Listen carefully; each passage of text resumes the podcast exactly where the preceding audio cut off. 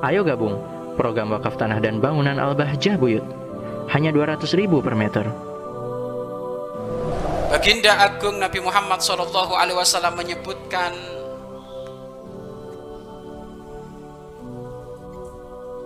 Barang siapa yang di pagi hari ba'da sholat subuh yak yak'udu duduk fi musallahu di musallanya dengan banyak-banyak berzikir kepada Allah hingga terbitnya matahari asra'u itu lebih cepat untuk mendapatkan rizki dari Allah daripada dia bekerja berangkat pagi pulang malam tapi setelah subuh tidur.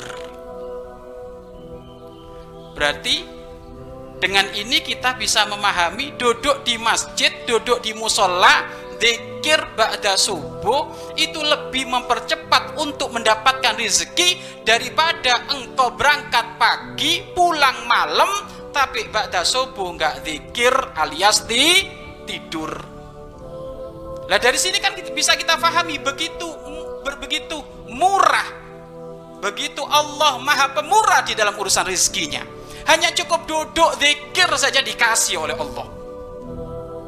Tetapi kadang hal itu tidak diyakini, tidak diyakini. Sehingga kalau nggak yakin, namanya orang nggak yakin, ragu dia. Kalau sudah ragu ya susah.